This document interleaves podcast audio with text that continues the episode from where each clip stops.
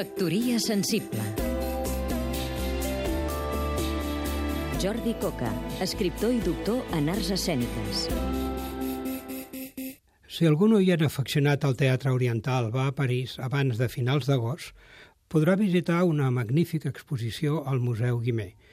Du per títol Del no a Matahari, 2.000 anys de teatre a Àsia, i s'hi mostren més de 300 peces. En realitat, el concepte Àsia aquí té un abast considerable, ja que tant hi trobem referències a la Índia com al Japó, tot passant per Tailàndia, Cambodja, Indonèsia i Xina.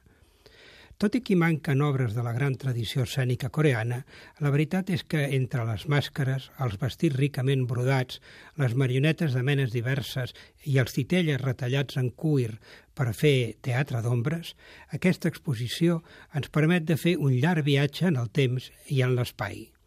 Sobre el fons gairebé omnipresent de la temàtica del Mahabharata, ens endinsem en els secrets del teatre con de Tailàndia, en el Bayang Topeng balinès i també entrem en la òpera de Pequín, a través de la col·lecció de l'actor i cantant Xi Pei Pu, que a més va ser espia i la vida atzerosa del qual ha donat peu a la pel·lícula Butterfly de David Cronenberg.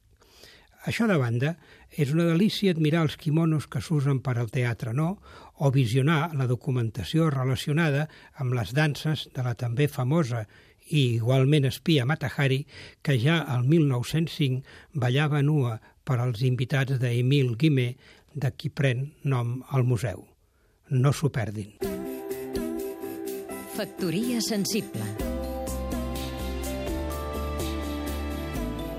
Seguim-nos també a catradio.cat.